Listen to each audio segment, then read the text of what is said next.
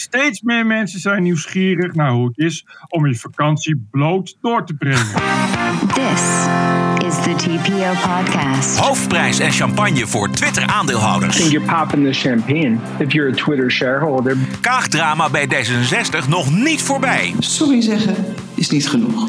En het is oorlog tussen Piers Morgan en Nigel It Farage. is disgraceful. It is disgusting. Why would Trump now trust Fox News or any Murdoch media empire? Aflevering 346. Ranting and Reason. Bert Bresson, Roderick Phalo. This is the award winning TPO podcast. Goedemorgen, het is dinsdagochtend 26 april. Goedemorgen Bert. Goedemorgen Nederland. Gistermiddag werd bekend dat Henny Vriend is overleden, 73 Ah. jaar. Ja. Ja. Icoon Ja. weg, stuk jeugd vertrokken. Dat gevoel heb ik altijd. Ik was nooit zo'n fan, maar ik bedoel, die muziek die hij, Nee, maar- hij speelde. Ja, het was- ik was 16, 17, 18 jaar. De, de grootste hysterie denk ik nooit geweest voor een groep. Nederlandse groep. Ja. En tijdens het blowen en meisjes kijken was die muziek toch eigenlijk altijd wel op de achtergrond.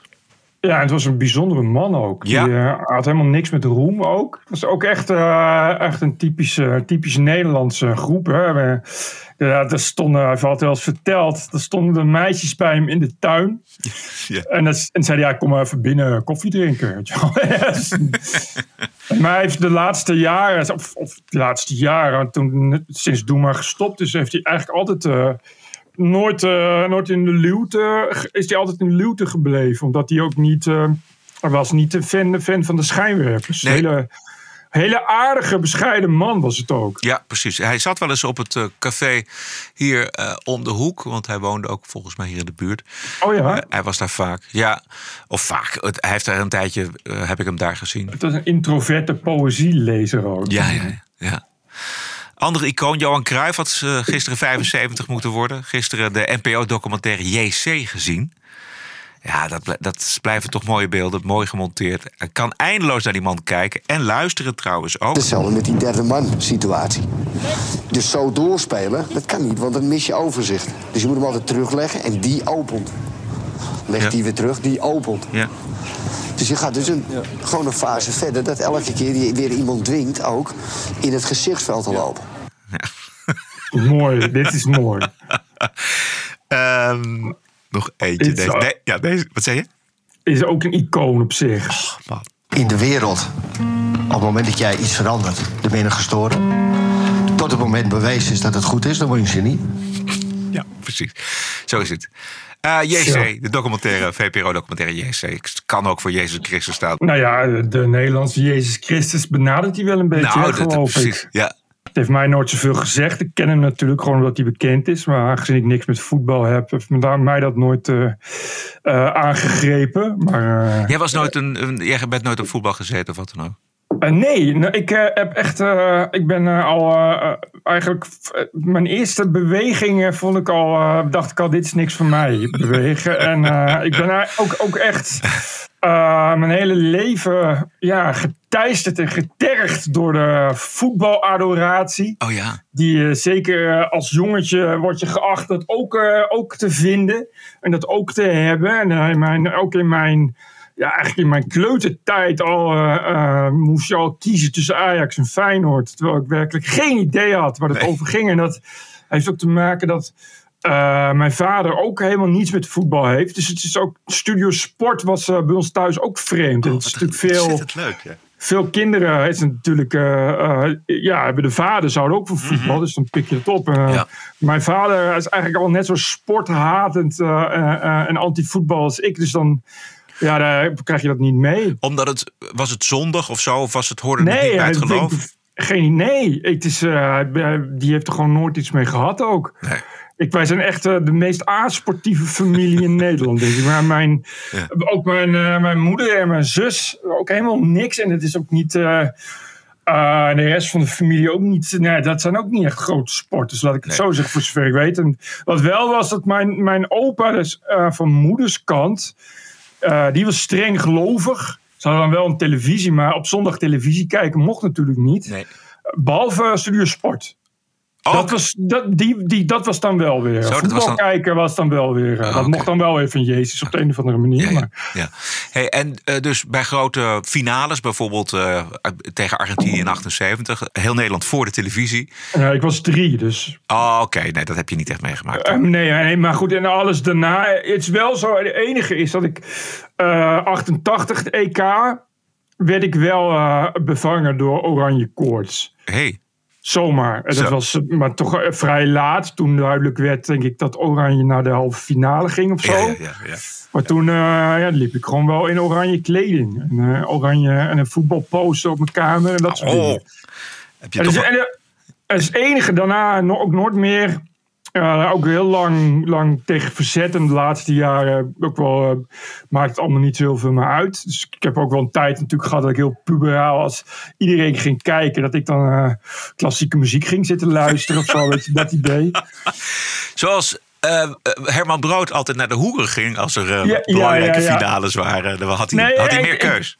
Ik heb wel, wel ik, ik ging wel, ik maakte wel gebruik van de gelegenheid waar ik, eh, dat dan Oranje speelde in de halve finale of zo. Dan ging ik reizen. Dan had ik de hele trein voor Ja, ja, mezelf precies, alleen ja, en zo, dat soort Ja, ja, dingen. ja. Ik kan me wel een eh, volstrekt leeg station Utrecht Centraal herinneren. dat is toch.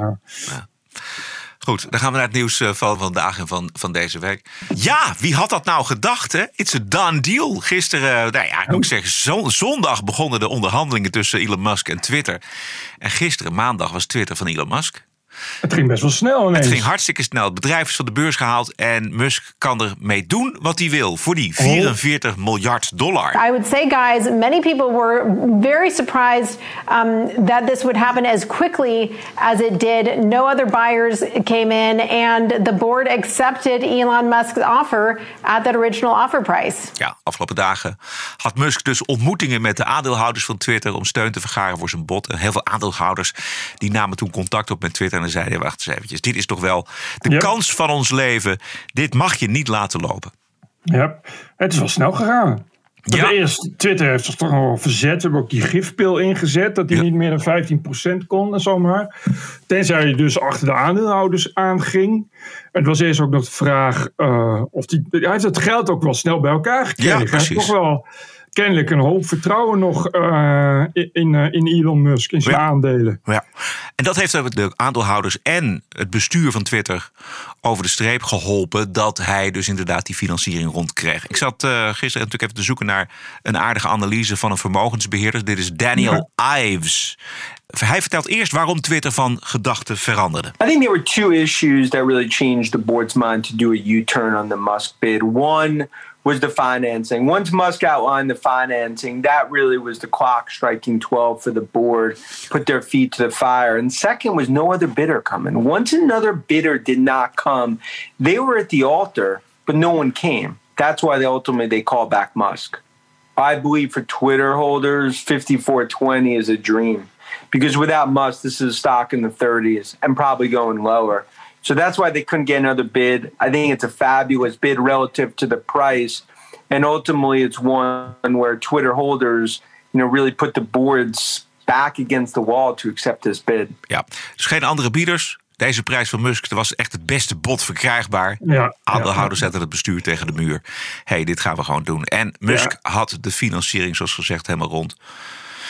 Ja, in principe is het, is het natuurlijk wel een droomkans die je maar één keer in je leven krijgt. Dat er iemand komt die zegt: Ik, ik, ik heb wat is meer dan 30% van de waarde. Ja, ja. En dat, dat heb je dan ook nog morgen allemaal op je rekening. Ja. Weet je, in, in cash en, en, en alle aandelen. Ja, Dus het is fantastisch. Ja. Zeg, maar eens, zeg maar eens nee, want het, als je nee zegt, die, het komt niet nog een keer Nee. een Musk voorbij natuurlijk. Nee, dat, want dat zag je ook wel. Omdat er dus helemaal geen andere bieders ook waren. Weet je. Het was niet opeens van dat, dat iedereen dacht... Hey, dat, dat Twitter willen we graag hebben. En voor de neus van Elon Musk wegkapen. Nee, dat, Ja, kwam helemaal niemand. Dus dit was gewoon an offer you can't refuse. Ja, ja, ja, precies. precies. Ik zag, eh, ik heb me kostelijk vermaakt met de meltdown van, eh, van, de, van de liberals op Twitter. Het is eh, geen stijl. Spartacus zit daar dan op en die, heeft dus, dus iemand op Twitter die verzamelt dat. Al die, al die eh, blue finks die, eh, die dan eh, helemaal, helemaal, net als toen bij de verkiezing van Trump. Ja, paniek. Helemaal, helemaal in tranen raken. En het is zo grappig. Oh man, man, wat je leest. Je kan echt, ik heb echt, je kunt dan met popcorn, kun je echt gewoon je ballen uit je broek lachen. Ook die hypocrisie.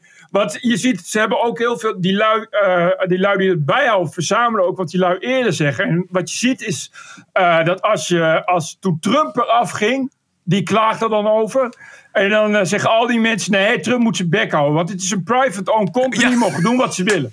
Nu komt dus een private owner die dat Twitter opkoopt. is van schande, dit moet niet mogen. Hier moet de regering iets zeggen, hier moet de overheid iets tegen doen. Zo grappig. Onvoorstelbaar hypocriet. En, dat hebben ze, en ze hebben het nog niet eens door bij zichzelf. Dat ze zo Nee, onvoorstelbaar nee. hypocriet zijn. Het is, het is echt, oh man. En je ziet ook echt, iedereen is nu al, weet nu al. Ja, er staan echt dingen tussen. Het is het einde van de beschaving. Het einde van, van, het einde van, de, van de vrijheid. Alle, ja, gewoon precies hetzelfde als toen Trump werd uitgekozen. Ja. Lichten gaan uit. eh, we gaan eh, worden vernietigd. Et cetera, et cetera, et cetera. Terwijl, ja... Ik, je weet nu al dat over, over een paar maanden... Ja, je merkt dat natuurlijk niet. Het is, het is niet dat hij, het is niet dat hij morgen, nou het kan natuurlijk, maar het is niet dat hij morgen ineens eh, allemaal mensen eraf stuurt en weet ik veel wat. Het is natuurlijk iets, iets wat geleidelijk, ja natuurlijk gaat hij het anders doen. Ja. ja. Ja. Eh, dat is wel een belangrijke vraag. Wat gaat hij doen? I think Musk likely becomes chairman, not CEO. Uh, takes historical social media experience, people that come into Twitter, make it a subscription model, probably yeah. increase cash flow. There will clearly be changes from a constriction in what people could say. And that's going to be a tight wire act, especially in this environment. But ultimately, taking private is going to have a lot of changes for Twitter. But Musk just bet 20% of his net worth on Twitter. It's not just about freedom of speech. Ja, het is niet alleen eh, vrije meningsuiting. Eh, hij wilde gewoon geld mee verdienen. Terecht natuurlijk. Eh, mogelijk via dus een abonnementsmodel. Ja, maar dat is iets, iets waar, waar je sowieso wel op kon wachten. Het is ook best wel eh, altijd fascinerend geweest dat dat nooit is geweest. Waarom? Nou, om, om, ja, omdat het heel moeilijk is om winst te maken met, met alleen wat er nu is. Met alleen die advertenties. Het is geen Facebook, hè, het is Twitter. Eh, en dat zal die, dat zal die inderdaad, dat je, door een, een, zo'n subscription model kun je echt je, je, eh, je winst enorm omhoog stuwen. Weet ik, begrijp ik. Maar de vraag is natuurlijk of mensen ervoor willen betalen. Dat is natuurlijk geld voor alle Nee, maar abonnementsgelden. Maar ja, dat is de Op het, vraag. moment, je, op het moment dat je 400 miljoen gebruikers hebt. En, en er zijn er 100 miljoen die, die, eh, die elke maand 1 euro betalen. En dan heb je al 100 miljoen euro winst per maand extra. Dus, het, dus het is een beetje, je hoeft dat niet, dat is dus natuurlijk het punt. Je hoeft niet die mensen meteen 60 euro per maand te laten betalen. Het is eh, de grootte van de schaal. En dat eh, is iets wat je. Ja, waarom, waarom doet Facebook het niet? Ja, omdat je dan mensen verliest. Maar Facebook maakt winst genoeg. Maar inderdaad, Musk, als je 20% van je, van je network erin zet, wil je ook wil je ja, zeker zijn dat je het ook snel ook weer terug hebt. Ja, exact. Dus dan zul je dat toch moeten verspoedigen. En dat is gewoon echt de turbo-knop die je erop zet. En ik zou ook niet weten eh, hoe of wat. Een ander iets is dat hij heeft gezegd, en dat vond ik wel heel interessant, is dat hij de algoritmes wil die open source maken. Ja. En dat zou echt, eh, een, dat is wel echt een revolutie. Want wat betekent dat? Dat betekent dat we eh, voor het eerst volledig weten hoe social medium, social medium als Twitter, ja, hoe die algoritmes werken. En dat is tot nu toe nog één grote blackbox geweest. We weten niet waar, waar, waar, die, waar al die algoritmes op gebaseerd, wat het is, wat het precies is, waardoor je tweet eh, eh, wordt aanbevolen en, en dat soort dingen. Op het moment dat je het open source maakt, betekent niet alleen dat iedereen erin kan kijken, maar ook dat iedereen het kan gebruiken. En dat is heel interessant, want dat geeft de mogelijkheid om je eigen Twitter te bouwen en je eigen eh, concurrentie ook voor Facebook te bouwen, bijvoorbeeld. Ja. Want de, de reden dat we niet mogen weten hoe die, zo, die, die algoritmes werken is, eh, omdat we dan ook, dat je dan ook weet hoe je ze kunt bespelen. En dat is iets waar, waar, je- waar we dan, ja, ik denk dat, dat Google en Facebook daar nou niet echt gelukkig van worden. Nee. En, en voor, voor de, de schoolers en de onderzoekers die eh, het, het versterken van nepnieuws en het debat en, en social media onderzoek is, is dat echt een goudmijn om te kunnen kijken in de, in de, in de, in de algoritmes van Twitter. Ja. Ik las ook dat er verzoeken via Twitter uh, gingen om bijvoorbeeld ook iets te doen aan het anonimiseren van de gebruikers. Dus uh, de, de anoniempjes, zullen we zeggen. Ja. Ligt dat voor de hand dat hij daar aan gaat sleutelen? Dat hij gaat zeggen, ja, je, je, je, moet, je, je moet alleen nog maar met open vizier op mijn sociale Nou ja, media? Wat ik wel weet is dat hij, zei, dat hij al heeft laten weten dat hij in elk geval eh, echt, echt een oorlog wil gaan voeren tegen de bots en de spammers. Die natuurlijk echt eh, Twitter heel erg vervuilen. Dat is een, een dagelijkse strijd.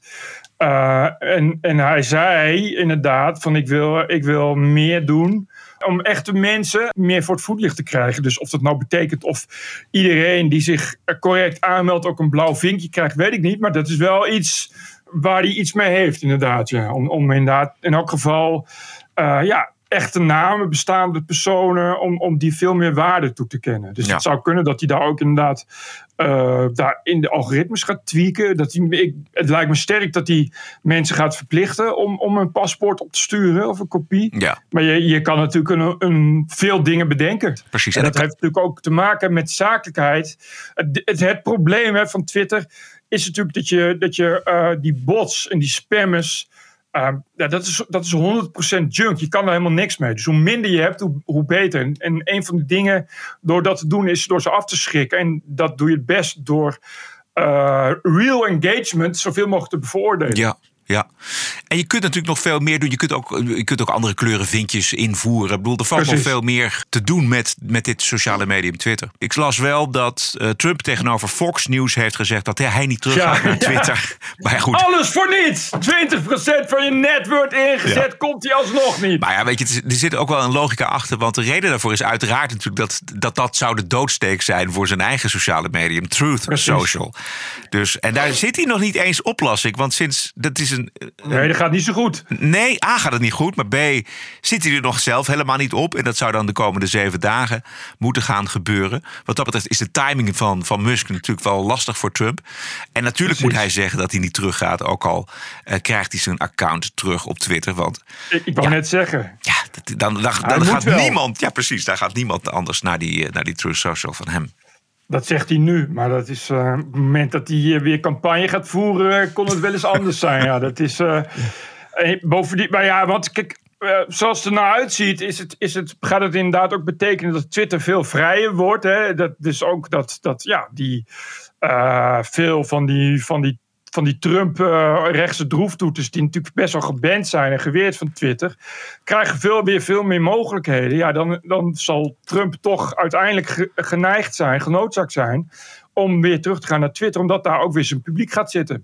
Ja, Dus, dus, dus, en dat is iets wat, wat, wat eh, Musk natuurlijk ook wel zal gaan veroorzaken. En de, kijk, die groei van Twitter zit er natuurlijk ook in dat hij natuurlijk ja, gaat zeggen: iedereen is weer welkom. Je hoeft niet meer bang te zijn dat we je meteen weghalen. En, want hij wil toch echt hè, die totale vrijheid wil hij toch hem helemaal gaan uitrollen. Het is dus nu wel echt een probleem. Ook als je vindt dat er iets moet gedaan worden tegen desinformatie en dat soort dingen. Het probleem is, dat heeft Facebook ook, is dat het geautomatiseerd is. En ik las van de week ook alweer iemand, is een citaat van Shakespeare uit een toneelstuk. Van, eh, dat de hoofdpersoon zegt dan dat alle advocaten moeten dood. Dat, dat is een, eh, een, een- dus, dus een toneelstuk van Shakespeare. Dus het is al honderden jaren oud. Maar iemand had dat geciteerd en die werd dan geband. Ach, Want ja, het Jezus, oproepen ja. tot geweld. Weet je wel, en, en dat is natuurlijk iets wat continu gebeurt. Omdat ja, je, dat, die robots hebben, kennen die nuance niet. Nee. Dat is iets waar hij heel erg graag van af wil. de vraag is eventjes deze dagen of eh, Wilders alweer terug is op Twitter. Dat geloof ik nog niet. Maar dat, zo, dit dus, dat Wilders weg is natuurlijk absurd. Dat is totaal absurd. rare- Precies. Maar wat ook de gang van zaken is ook heel raar. Wat ik ervan begrijp is dat hij dus geschorst is, Wilders, wegens het overtreden van regels tegen haatdragend gedrag. Er was dus één klacht. Eh, Hij is niet toen verwijderd na die eerste klacht. Maar pas later, een uur later, was Twitter van gedachten veranderd. Dat is een beetje het verhaal ook van Wilders. Ja, nee, maar dit, dit dus. Maar dit is dus, dus, dus het probleem. En dat is al, al sinds, ja, weet je, sinds Milo Yiannopoulos zo. Maar dit, dit klinkt dus niet als automatisme, maar dit klinkt als Nee, willekeur. d- dat niet. Nee, dat is het ook niet. Nee, je hebt, je hebt automatisme en je hebt een hele grote groep die ook dingen controleren. En we weten dat, eh, net als bij Trump en grote personen, is er intern veel debat of debat. Het debat is binnen Twitter tot nu toe nogal eenzijdig. Namelijk, dit zijn gemene mensen die moeten vooral blokken. En dat is bij, bij Geert Wilders ook gebeurd. Dus natuurlijk, natuurlijk, er wordt dan geklaagd. Mensen zeggen, oeh, dat is kwetsend voor de islam. Jullie moeten hem weghalen. En dan is het eigenlijk, ja, het is niet tegen de regels. Maar dan gebeurt het binnen dat bedrijf. Zijn er te veel woke figuren die zeggen, nee, dat moet wel, want het is kwetsend. En dan is het dus handmatig, wordt je verwijderd. En dat is natuurlijk iets waar Elon Musk een einde aan wil Ja, maken. dat, je, Ja. dat, je, dat je natuurlijk ook Elon Musk zal regels moeten hebben. Dat is niet anders. Je, je kan, wat illegaal is, is illegaal. Daar kun je, niet, je kan je niet altijd beroepen op de grondwet op vrijheid van meningsuiting. Ik bedoel, eh, oproepen tot geweld zal waarschijnlijk niet kunnen. En, en zowel dan komt de FBI wel vragen of je het wil verwijderen, zou ik maar zeggen. Maar, maar, maar ja, hij wil natuurlijk wel ja, niet, ja, dat iets kwetsend is. Ja, dat, is, eh, dat zal dan wel. Maar dat gaat niet meer gebeuren. En dat is natuurlijk iets wat Twitter natuurlijk ja, altijd wel bekend om heeft gestaan. Dat het wel erg eh, naar de liberal woke kant neigt als het gaat om, om kwetsende, kwetsende dingen weg Ja, en de verwachting is dat dat toch wel erg eh, Ja. gaat veranderen. En dat Ja. betekent waarschijnlijk ook dat er binnen dat bedrijf eh, nogal wat mensen weg willen waarschijnlijk. Ja, er zullen ook wel een hoop klappen gaan vallen, denk ik zo. Ja. Er zitten natuurlijk een hoop mensen die nu eigenlijk een beetje obsolet zijn. Want die, hebben, die zijn er toch bij Twitter gekomen omdat ze... Ja, dat, dat, dat woke narratief nogal, eh, nogal gaan eh, nogal volgen. En ja, ik neem aan dat Elon Musk er nou niet meer op zit te wachten. Nee, dus. precies. Goed. Tot zover Twitter. TPO Podcast. We zijn toch nog niet helemaal klaar met eh Sigrid Kaag en D66. Want we zijn onderweg naar 12 mei aanstaande. Dan is er de ledenvergadering van D66 over de staat van de partijen. Die van de leiding natuurlijk. Kaag en Victor Everhard, de voorzitter, de landelijke voorzitter. Tot die tijd kan er nog van alles aan ellende naar boven komen. Zoals het verhaal van D66-speechschrijver Bob de Ruiter... in de NRC-column van Tom-Jan Ja. Meus. Bob de Ruiter had voor Kaag de schoollezing van vorig jaar geschreven. En met daarin natuurlijk genoemd, of niet natuurlijk, maar met daarin genoemd Lale Gül, de schrijfster die voortdurend bedreigd wordt door aanhangers van de religie van vrede. Maar die bedreigingen die komen, zoals u weet, Kaag en de D66-vereniging niet uit, want we leven in de multiculturele hemel op aarde. Dus werd Lale Gül geschrapt uit de Kaaglezing.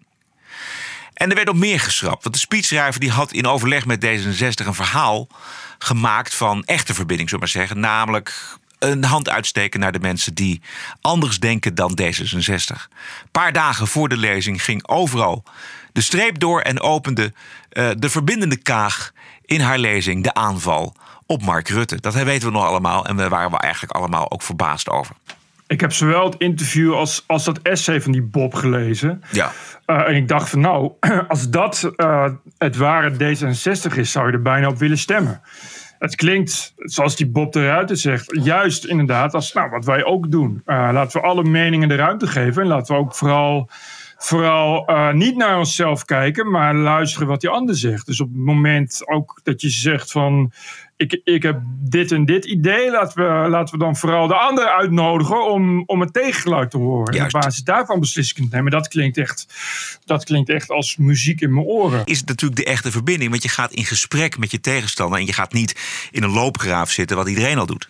Ja, zoals ik het las, was, het, was dat een beetje het idee wat, wat eh, Hans van Mierlo eh, eh, voor zich had.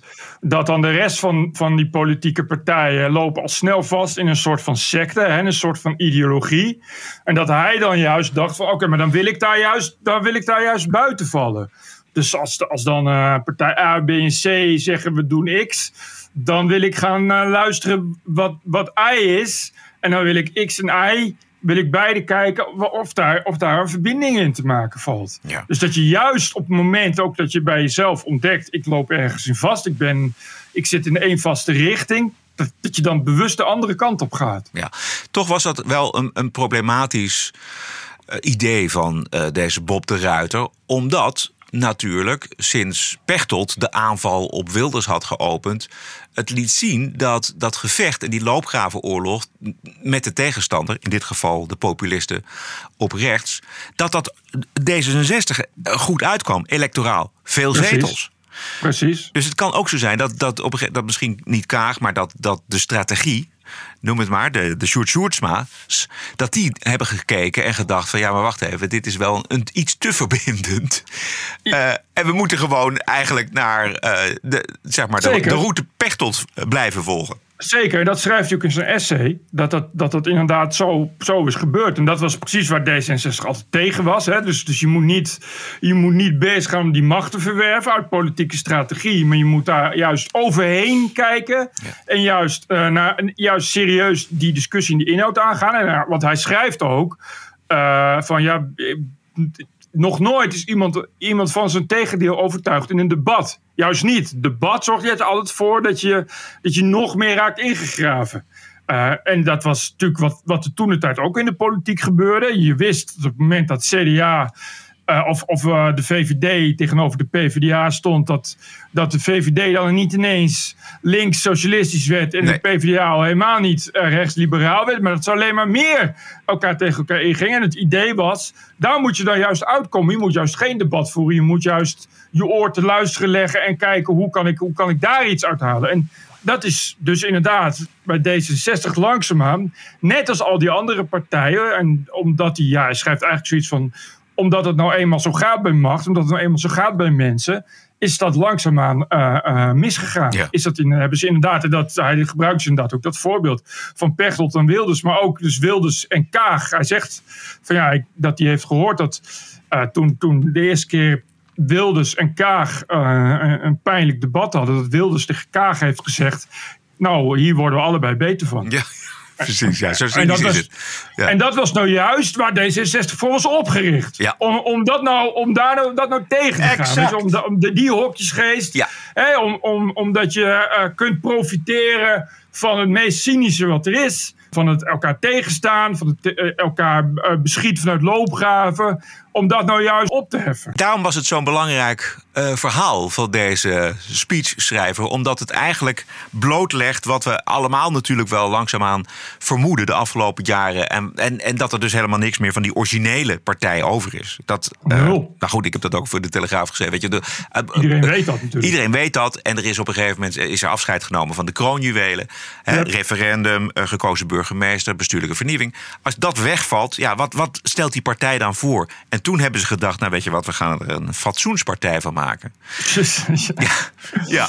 En dat levert automatisch op dat je toch de gevechten aangaat met de mensen die je onfatsoenlijk vindt. En in dit geval dus uh, de mensen aan de rechterkant. Maar goed, dan ben je dus een partij, net als alle anderen, die zich heeft afgekaderd tot een onmuurde groep. Eén specifieke secte ben je ja, dan geworden. Ja. Dus laat, laten we dat nog eventjes maar met zoveel woorden zeggen. D66 blijkt geen partij te zijn voor inclusie en verbinding. Absoluut niet. Het is echt de meest anti-inclusieve en anti-verbindende partij die er is. Als je echt op zoek bent naar inclusie en verbinding, kun je overal je licht opsteken. Bij, bij, van bijeen tot, tot de VVD, wat mij betreft. Maar ga in vredesnaam niet naar D66. D66 is een kille, lege, inhoudelijk uh, zielledige machtspartij. Wat ik ook nog even gedaan heb, is uh, parlementair verslaggever Kees Boman zaterdag uh, terugluisteren op Radio 1. Want Kees uh, neemt het altijd op voor Kaag. En de vraag is natuurlijk of hij dat deze keer ook weer deed. Of in ieder geval probeerde. Dat vond ik wel spannend om te luisteren. Hij had wel het idee dat de termen koud en kil vooral aan vrouwelijke politici blijven kleven. En dus ook aan Kaag. En niet zozeer aan mannen. Dus een beetje seksistisch zijn dat soort opmerkingen wel. Het is eigenlijk wel grappig. Ik zie net vandaag het parool. Dan gaat het over uh, Macron en wat staat daar boven als kop. Hij lijkt koud, maar zo is hij niet. Mm. En grappig als je dat dan even in je hoofd haalt en dan kijkt naar de reacties over Kaag. Keel en koud, zo heeft hij gereageerd. En dat wordt van vrouwen uh, eerder gezegd, uh, heb ik de indruk, dan van mannen. En als het van mannen al gezegd wordt, dan krijgen ze een kop. Nee, maar zo is het niet, het lijkt maar zo. Ja, dus bij Macron wordt het rechtgezet, maar bij Kaag niet. Jezus, zou hij betaald worden door D66? Nou, zou dat... hij stiekem in dienst zijn bij Dreugen en Van Drimmelen of zo? Kees, Wat? die- Dit, is echt, dit wordt wel eh, een beetje, een beetje eng zo. Ja, maar het wordt ook wel ietsje beter hoor. Want Kees die zat zelf ook bij de persconferentie, maar behoorde niet tot de vragenstellers. En dit was zijn, obs- Goh. dit was zijn observatie. En nou komt het, eh, het, eh, het lastige punt, ook als observator bij zo'n bijeenkomst, dat ik daar echt met verbazing gekeken heb, ook naar eigen volk, hè, bij de journalistiek. Ja. Eh, ik behoorde niet tot de vragenstellers, eh, moet ik erbij zeggen.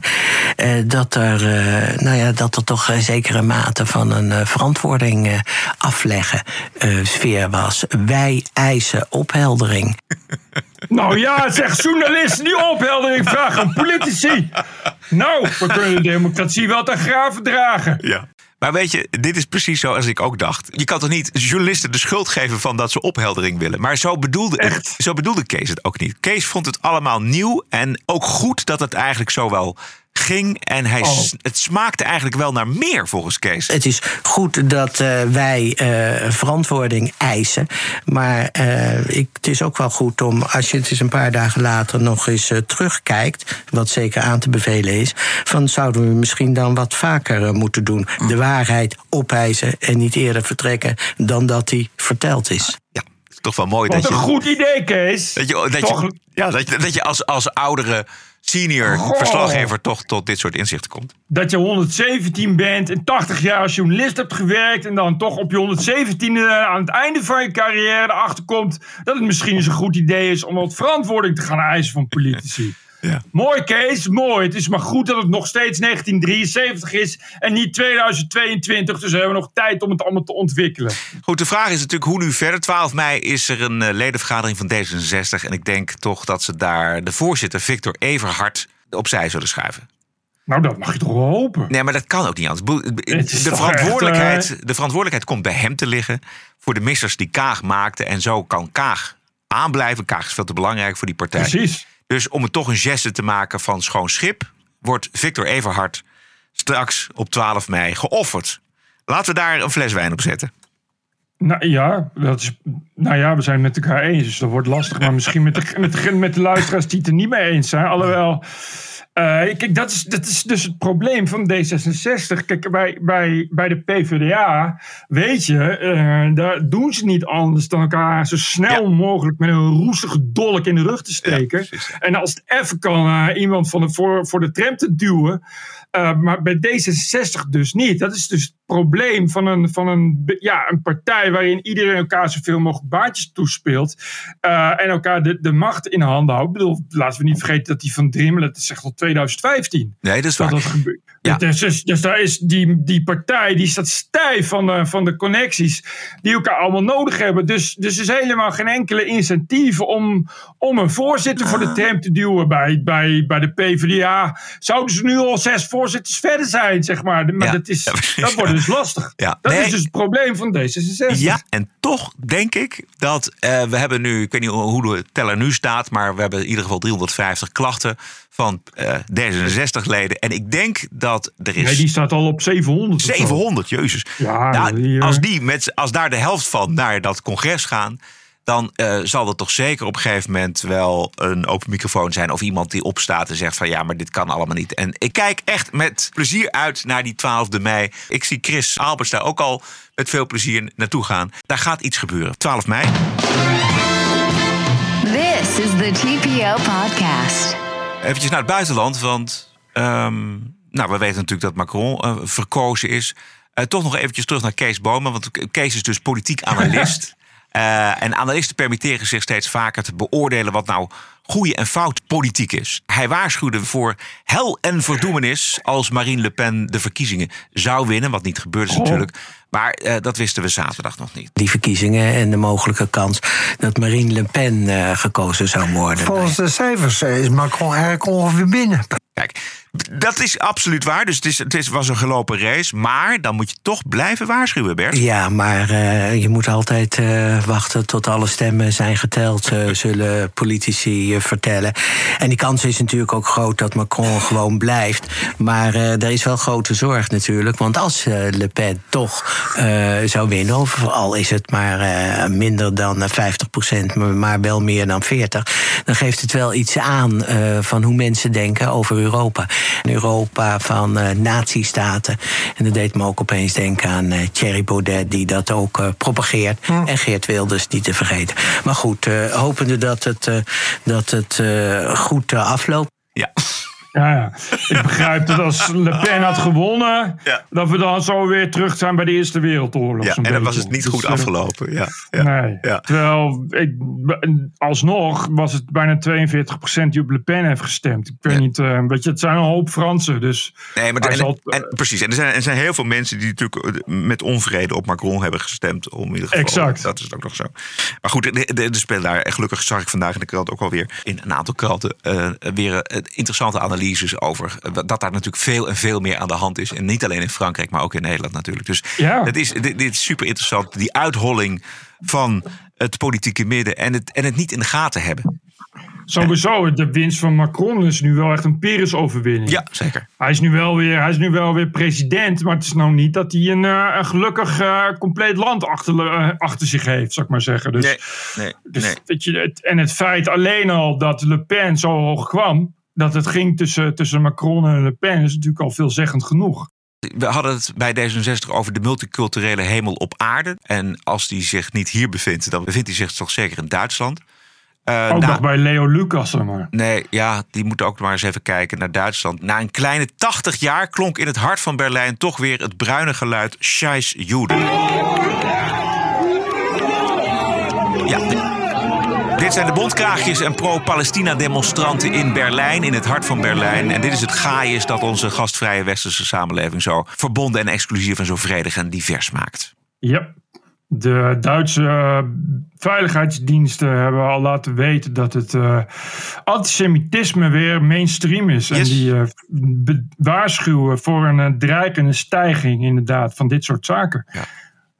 Dus, dus, dus ja, de, het, uh, het Duitsland van weleer is wel helemaal terug, zullen we maar zeggen. Het is inderdaad uh, weer uh, netjes 1920 wat antisemitisme betreft. Dus Ja, is- gefeliciteerd Duitsland. De onvoorstelbare naïviteit dat je denkt dat je met de import van mensen uit het Midden-Oosten... die opgegroeid zijn met een eh, anti-Israël en antisemitische schoolcarrière... Ja, maar het is al heel lang gaande. Maar goed, die, die, de, de politiek samen met de media, die in Duitsland nogal enig met elkaar zijn verbonden, eh, hebben er toch altijd voor gezorgd dat het vooral niet afstraalde op eh, de zogenaamde nieuwkomers. Want het is altijd eh, extreem rechts.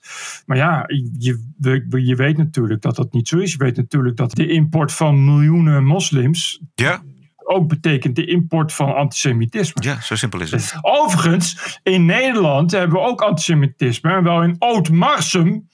In Oud-Marsum, dat ligt in het oosten, eh, hadden ze onlangs een paasviering. Dat doen ze dat traditioneel eh, elk jaar. En dat is traditioneel katholiek. Zeer katholiek. Wat ook betekent zeer antisemitisch. Want de Joden hebben, zoals je begrijpt, eh, Jezus veroordeeld en aan het kruis genageld.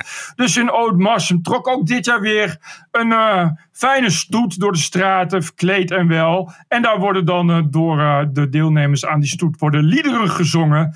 Nou ja, die liederen die kunnen zo in het handvest van Hamas, waar het jodenhaat aangaat. En die mensen zeggen van, joh, maar we zijn, we zijn het oosten. En ja, we, we, we moeten al die stadsfratsen niet. Dus we houden, daar, we houden hier van tradities, dus dat gaan we niet veranderen. Jezus, Maar Het is al wel 2020 dat de mensen die, eh, die lopen door de straat. We gaan de Joden vernietigen. En, eh, maar wat zeiden dat zijn ze? Onze, ik, ik kan het, eh, ik denk zo echt, dan moet ik even opzoeken wat het letterlijk was. Maar dat zijn gewoon, eh, het zijn liederen die de Pasen inluiden. En Ja, dat is dus, eh, let op de Joden, want ze hebben Jezus vermoord. Dat is Jezus, mina, strekking man. Hoe is het mogelijk?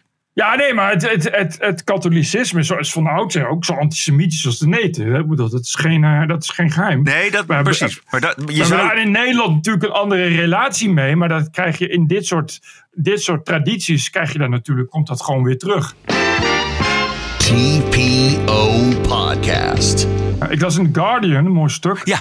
De strekking is, eh, de New York Times heeft dus ook een nieuwe baas. Net als CNN. Ja. Uh, en, en daar is zo min mogelijk over bericht, omdat de New York Times de eigen doelgroep niet in de haren wil strijken, de haren in wil strijken. En vooral niet wil dat hun rechtse vijanden ermee vandoor gaan. Maar de New York Times heeft een nieuwe baas. En die nieuwe baas is net als bij CNN iemand die zegt: Ik wil weer terug naar journalistiek en verslaggeving. Ja, ik las het. En ik, ik ben een beetje klaar met, uh, met het activisme, welke kant op dan ook. En er stond letterlijk dat het iemand is die niet snel gelegen is om zich te laten overtuigen door slachtoffergedrag. Ja. En dat betekent dus dat ook de New York Times een beetje klaar is met de verwokisering van de krant. Gelijk aan CNN. Ja, nee, het is een hele interessante ontwikkeling wat daar, wat daar plaatsvindt. Ik vond het een hele uh, goed stuk in The Guardian. Dat zelf overigens ook in aanmerking komt voor uh, die verandering. Ja.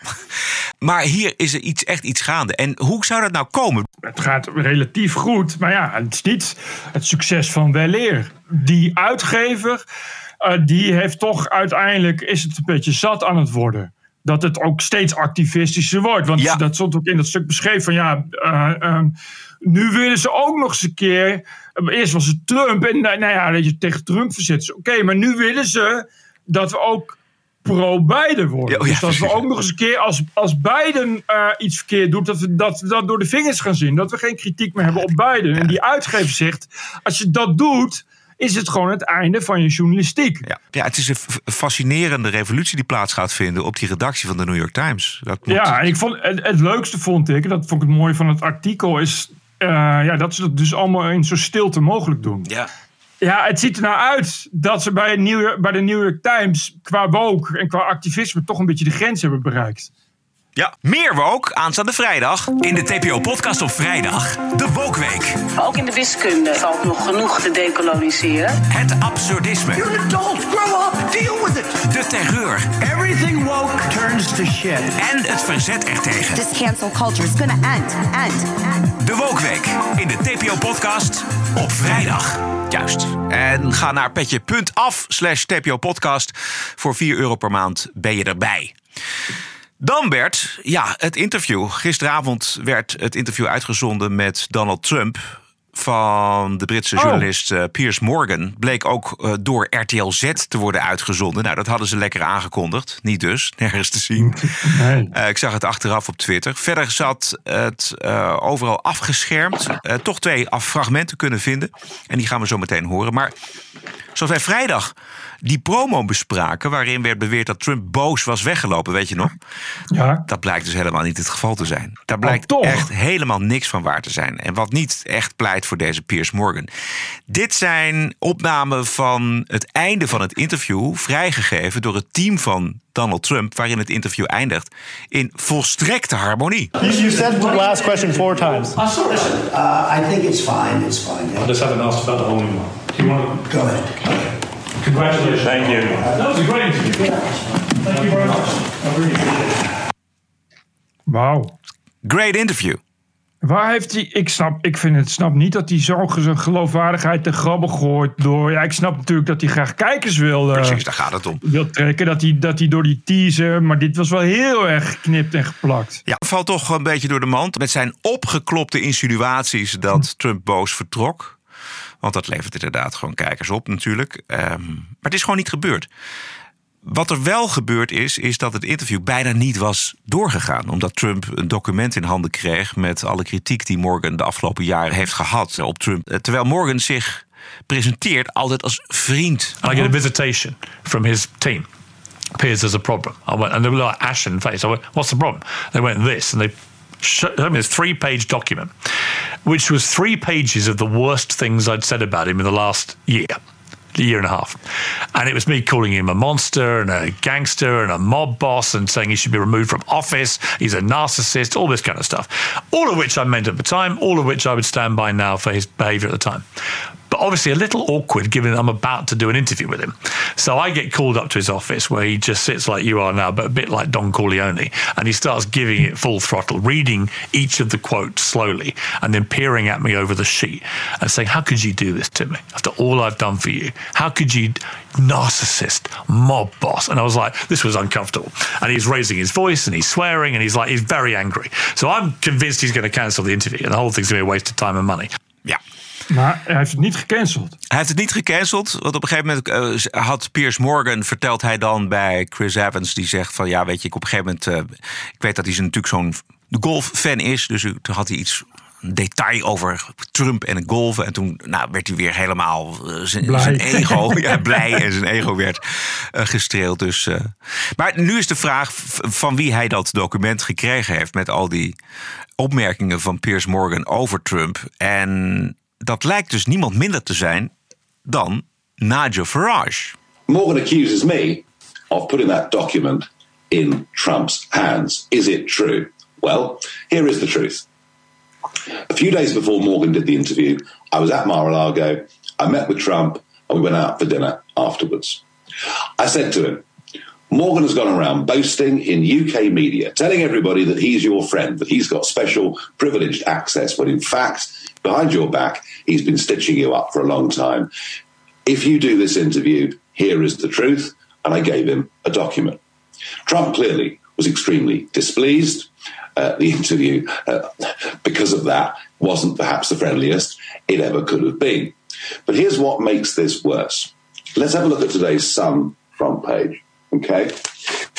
It says ex Prez storms out on Morgan.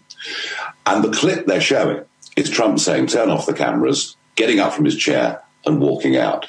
It is, let me tell you, that headline there is fake news. The interview had been concluded. It was finished. It was over. They'd said their thank yous, and Trump got up to go on to his next appointment. He has been completely and utterly stitched up by Piers Morgan. It is disgraceful. It is disgusting. I bet Rupert Murdoch is absolutely fuming. Why would Trump now trust Fox News or any Murdoch media empire? Ja, ja, ja daar heeft hij een punt. Het is, het is toch alles voor de kijkcijfers, Bert. Ja, maar ik, dit had hij morgen niet zo moeten doen, denk nee, ik. totaal niet. Maar er werd echt gesuggereerd dat Trump boos wegliep. Ja. Zo, zo eindigde die promo ja, ook. precies. En dat is dus gewoon niet Nee, zo. nee. Als je dan hoort dat ze zeggen van... Ah, leuk, was een goed interview. En eh, bedankt. En eh, dat is, dan moet je daar ook eerlijk over zijn. Dan moet je niet zeggen, ja, Trump loopt boos weg. Dat is dus niet Precies. zo. Alleen al het zinnetje turn off the camera, weet je wel. Want eh, altijd lopen er camera's mee van het team Trump bij dat interview. Dus hij zei dat. Alles was al goed en een leuk interview, dit en dat. En toen zei dus Trump zo tussen neus en lippen door tegen een van die cameramans. De camera kan wel uit. En als je dat eruit pikt. En wij weten een beetje hoe dat dan werkt met zo'n promo. Weet je, dan haal je dat zinnetje eruit. Denk je, hé, hey, dat kun ik, kan ik gebruiken voor mijn verhaal. Wat niet klopt. Namelijk, Trump loopt weg uit het interview. En dat pomp je dan helemaal op. Je gaat ook het beeld manipuleren. Dus je zorgt dat er misschien nog wat extra Ja. zweetdruppeltjes op zijn hoofd sta- staat. En je zorgt daar dat daar muziek onder komt. En je gebruikt dat ene zinnetje. En je wekt de indruk dat het een geweldige clash was. Waar absoluut naar gekeken moet worden. Maar wat gewoon helemaal niet heeft plaatsgevonden. Nee, dat kan in een filmtrailer. En het kan bij een show, maar niet in journalistiek. Juist. Maar goed, dit is natuurlijk wel waar Piers Morgan het beste in is. Zo, dat betreft. ja. Eh, De Daily Mail is niet voor niks zo groot geworden onder hem. Maar, maar ja, het is niet slim. Nee, dit is echt niet oké. Goed, het ging over van alles en nog wat. Ik heb één quoteje eruit. Dat gaat over Poetin en zijn oorlog in Oekraïne. So, what would you do right now in Ukraine if you were the president? Putin uses the N word. I call it the N word. He uses the N word, the nuclear word, hmm. all the time. That's a no no. You're not supposed to do that. He uses it on a daily basis. And everybody's so afraid, so hmm. afraid, so afraid. And as they're afraid, he uses it more and more. That's why he's doing the That's kind of things he's, He's doing. off he's doing them because he thinks nobody's going to ever attack us hmm. because they're all stupid and they're afraid to talk I about totally it. agree with you. Okay? So what'd you and do about instead of, excuse me, it's Yeah, co- a little complicated. I'm sorry. Instead of, you know, kowtowing, instead of Biden saying, oh, he's got nuclear weapons, he keeps saying he's got nuclear. We have better weapons. that We have the greatest submarine power hmm. in history. So, what would you say and do? I would say we have far more than you do, far, far more powerful than you, and you can't use that word ever again. You cannot use the nuclear word hmm. ever again. And if you do, we're going to have problems.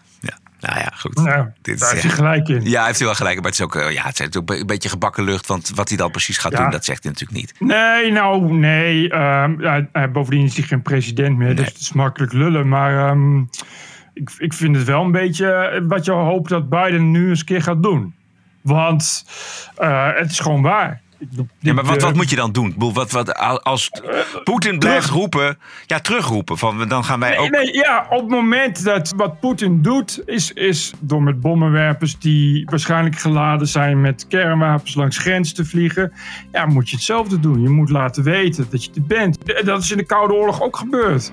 De Russen deden niet anders, dus moet je daarop antwoorden. Ja, maar de vraag is of je daarmee de boel uh, niet onnodig escaleert. Ik bedoel, je kunt ook gewoon. Ja, ja. Bedoel, de Russen weten echt wel dat de NAVO de meest geavanceerde wapens heeft. Zeker het Amerikaanse leger. Dus je kunt ook keep quiet en keep a stick Ja, behind your ja. back. Ja, ik weet niet of dat nou werkt. En of dat nou goed is om, om dan maar met dezelfde retoriek dingen terug te zeggen op dit, eh, dit niveau. Dat, eh, dat weet ik Nou ja, ze zijn de Amerikanen nu nog toch en ook vooral wel eh, hard bezig. Ja, tot zover. Tot zover. Elke dinsdag en vrijdag online via je favoriete kanalen. Vergeet je abonnement niet voor de vrijdagsshow, want je steunt de TPO-podcast al voor minder dan een euro per aflevering, 4 euro per maand. En je krijgt daarvoor twee keer per week de podcast met in de vrijdagshow.